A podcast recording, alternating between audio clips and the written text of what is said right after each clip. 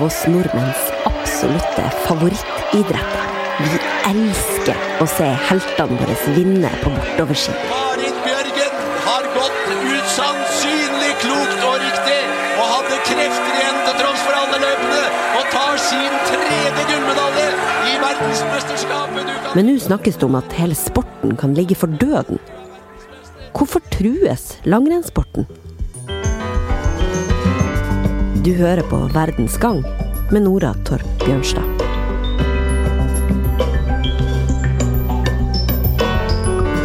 Ingen har vunnet flere enn 17 verdenscupseire på én sesong i langrenn. Nå blir det nummer 18 og 19 på Therese Johaug. Den mest suverene sesongen noensinne. Jubler for Noe av det som truer langrennssporten nå, er faktisk det at vi nordmenn er så sinnssykt gode. I det siste rennet i Ski Tour 2020 var Therese Johaug i toppform. Hun vant både rennet og hele turen overlegent. Og det eneste som egentlig var spennende, var hvem av de norske kvinnene som skulle komme på andre- og tredjeplass. Hun har til og med vunnet en eh, sprint under denne touren. En litt spesiell en sådan, men hun er enda mer gjennomtrent. Etter at Therese kom i mål, så måtte hun forsvare seg mot det hun følte var kritikk for å være for god. For de norske kvinnene er faktisk så gode at det kan være en fare for hele sporten. Arve Gjelseth, idrettssosiolog på NTNU. Hva kan en norsk dominans i langrennssporet, som det snakkes om nå, føre til? Jeg tror det fører til at eh, interessen faller internasjonalt. Altså, ser vi på eh, disse andre, særlig de mellomeuropeiske nasjonene, så er de et godt stykke på vei utradert. Eh, og det fører til at eh, naturligvis eh, publikum interesserer seg mindre, utøverne har mindre lyst til å satse, velger andre idretter. Og Det betyr at langrennssporten blir en skandinavisk-russisk greie, med Norge helt klart på toppen. Kan du nevne hvilke land som tidligere var veldig gode, og vi har sett interessen falle i nå? Ja, Italia er jo kanskje det viktigste, fordi de begynte å hevde seg i langrenn ganske tidlig. Eh, De hadde jo eh, Franco Nones allerede i OL i 1968.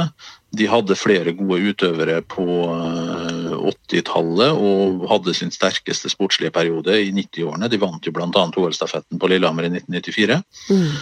Den andre nasjonen er Tyskland. De ble en toppnasjon eh, senere enn Italia, men de har alltid vært med med utøvere på et rimelig nivå. Vi kan også nevne Polen, som hadde en verdensmester på 15 km i 1978 VM. Josef Lutsjek Og Justina Kowalczyk, eh, selvfølgelig, som helt inntil nylig har vært i verdenstoppen. Der greide du det! Du holdt det! Og nå var du sliten! Det så Nå står vi altså der at eh, nordmenn har nærmest en totaldominans over langrennssporten. Eh, Er det sånn at vi har blitt bedre, eller har de andre bare blitt dårligere? Det er nok en kombinasjon av begge deler. Jeg tror at eh, for en, for Norge ligger i front både på trening, eh, utstyr og ikke minst antall utøvere. Altså, Det finnes 50 norske herreløpere som, kunne plass, som i prinsippet kunne tatt verdenscuppoeng i et verdenscuprenn. Altså, Nummer 40 i Norge er bedre enn nummer 4 i Tyskland, vil jeg tro. Eh, Sånn gjennomsnittlig sett. Så vi har veldig mange å ta av. Eh, Selv om rekrutteringen eh, kan Det kan kanskje spøke for rekrutteringen i Norge også, men vi har veldig mange å ta av. Vi ligger veldig langt fremme på alt som har med skiprepareringsteknologi å gjøre, fordi vi har mest ressurser. Og fra andre lands perspektiv så er det stadig flere ungdommer som bl.a. av den grunn sannsynligvis velger andre idretter.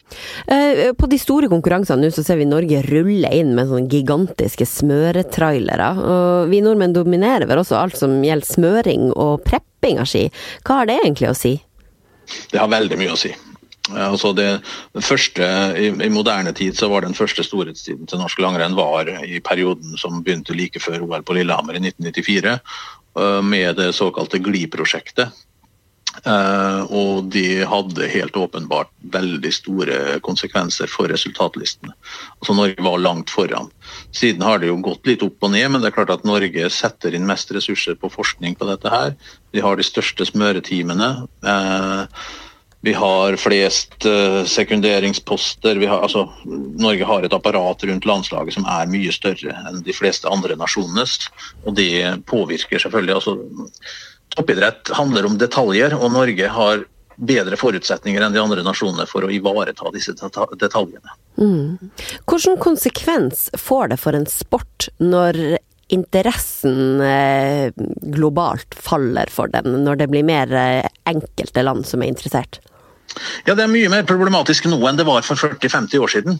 Fordi at eh, på, eh, Da Oslo arrangerte ski-VM i 1966, så var det ingen som tenkte på det som et problem at Norge, Sverige og Finland tok de fleste medaljene i langrenn.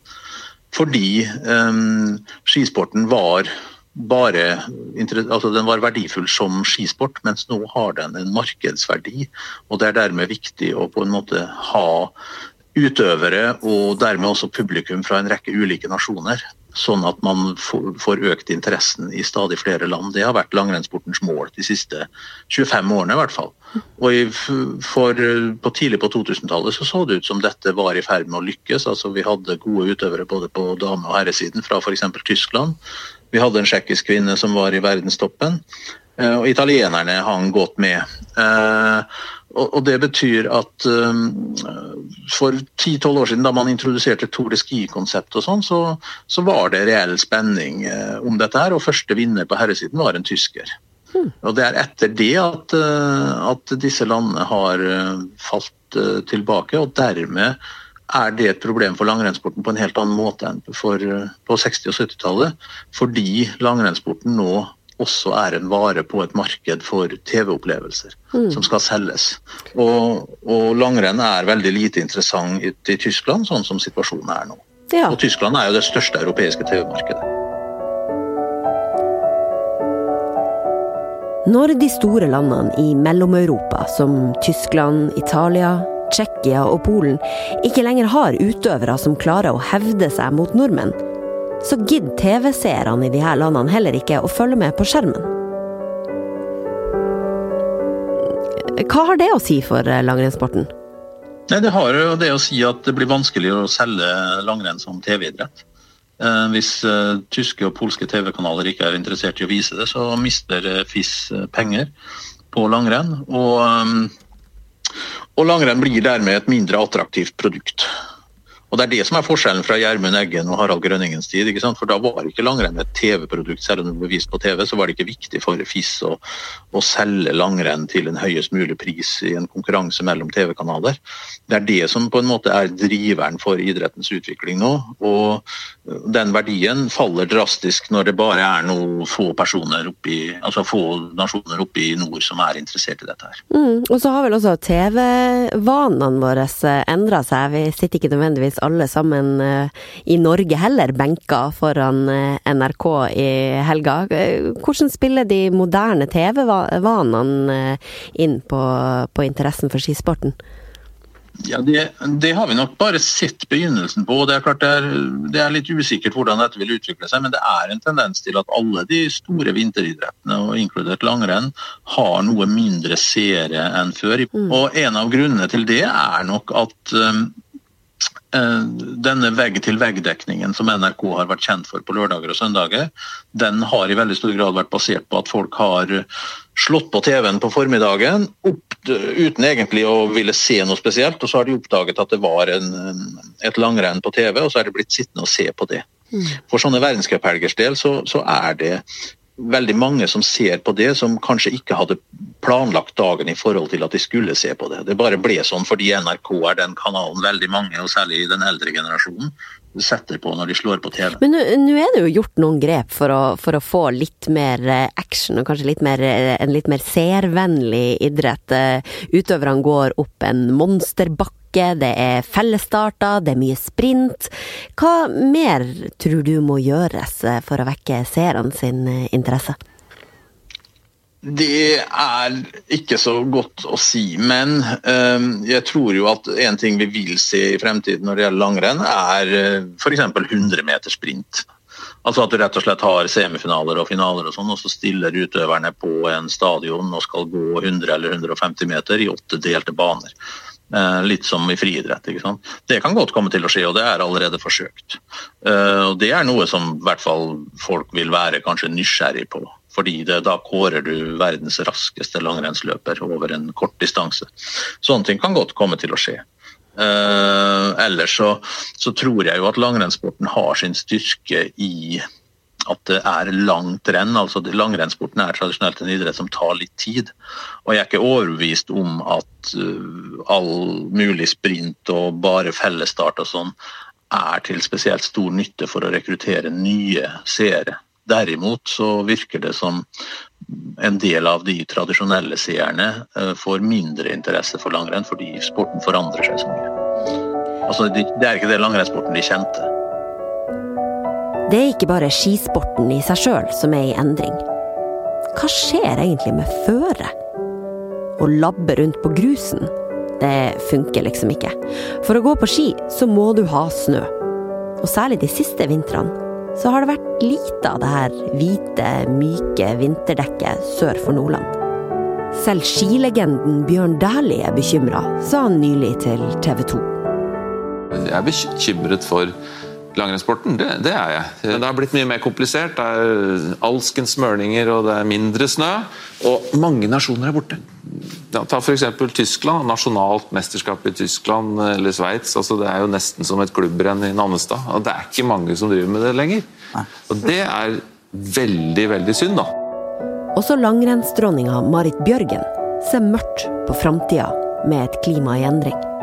Vi er jo, For at langrennssporten skal stå, så er vi jo avhengig av at det er gode vintre. Det er det jo. Ellers så feller jo mange av de unge kanskje på andre idretter. Så det er klart, eh, hvis vi får mange sånne vintre, så man, blir man bekymra. Det gjør man jo. Det har vært lite snø. Eh, klimaendringene, hvilken påvirkning har egentlig det på skisporten? Det har den påvirkningen at, at langrennssport og skisport generelt i mindre grad vil bestå av aktiviteter som folk er fortrolige med. Eh, altså, jo færre som har mulighet til å gå regelmessig på ski, jo mer vil langrenn bli som et slags sånn sirkus der utøverne driver med noe som man selv ikke har kroppslig erfaring med. Det, kan man si at det vil gå fra å være en allemannssport til noe som du sier et sirkus, noe veldig spesielt for noen uh, få uh, innvia? Ja, det vil jo nødvendigvis det, jo færre som har mulighet til å gå på ski. Samtidig så, så, så er ikke det noe som i seg selv nødvendigvis vil eh, redusere interessen, men det vil sannsynligvis gjøre det vanskeligere å rekruttere nye utøvere. Mm. Fordi ski er en type aktivitet som Eh, der du, de fleste må lære seg de grunnleggende skiferdighetene i ganske ung alder for å beherske dem fullt ut som, som voksne. Å gå på ski er som å lære seg et språk. Hvis du ikke har lært et språk eh, før du er 13-14 år, så vil de fleste av oss aldri ha sjanse til å snakke det helt flytende og uten aksent. og sånn, ikke sant? Mm. Litt på samme måte er det med, med de motoriske ferdighetene som kreves i langrenn. Mm. Ja, vintre i framtida der vi står igjen med grus, bortsett fra noen få steder der vi har lagt eh, kunstsnø. Hva er det det vil resultere i i form av hvem som interesserer seg og blir god i eh, skisport og langrenn? Som nevnt så tror jeg nok at uh, de som blir gode i langrenn, de har de må i de aller fleste tilfeller ha gått en del langrenn i relativt ung alder. Uh, og hvis man vokser opp uten snø, så er, det, er mulighetene begrensede. En annen ting som man kanskje allerede ser en viss tendens til, er at langrenn i økende grad blir for uh, barn som vokser opp i, med foreldre med god økonomi. Den ene siden av saken er at langrenn er blitt en, veldig, en ganske dyr idrett. altså Med tanke på skipreparering og antall par ski man må ha og sånn. Og det andre er at man da kanskje også har tilgang til eh, hytter og fritidsboliger i områder der det faktisk fortsatt er snø om vinteren. Det er noen ganske dystre fremtidsscenarioer han skisserer for oss her. Idrettssosiologen fra NTNU. Mener han å si at det snart er over for langrennssporten, sånn som vi kjenner den? Langrennssporten vil ikke dø på den måten at alle slutter, men den vil bli mer marginal. Og det er også grunn til å frykte at den norske dominansen, eventuelt den nordiske dominansen, vil bli enda mer total. Og Det er ikke noe som FIS ønsker, for de har jo hatt som prosjekt å gjøre dette til en betydelig vinteridrett i, eh, i hele den midtre og nordre delen av Europa.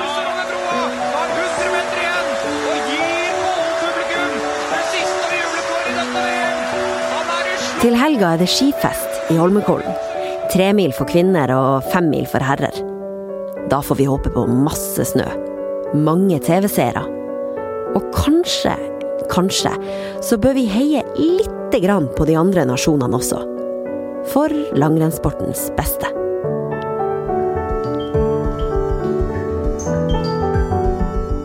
Du har hørt en episode av Verdens gang, en daglig nyhetspodkast fra VG. Vi som lager det, heter Emilie Hall Torp, Kristine Hellesland, Tor Erling Tømt Ruud og meg, Nora Torp Bjørnstad. Magne Antonsen er teknisk produsent.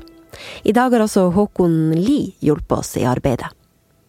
Hver dag grytidlig klokka fire kommer en rykende fersk episode.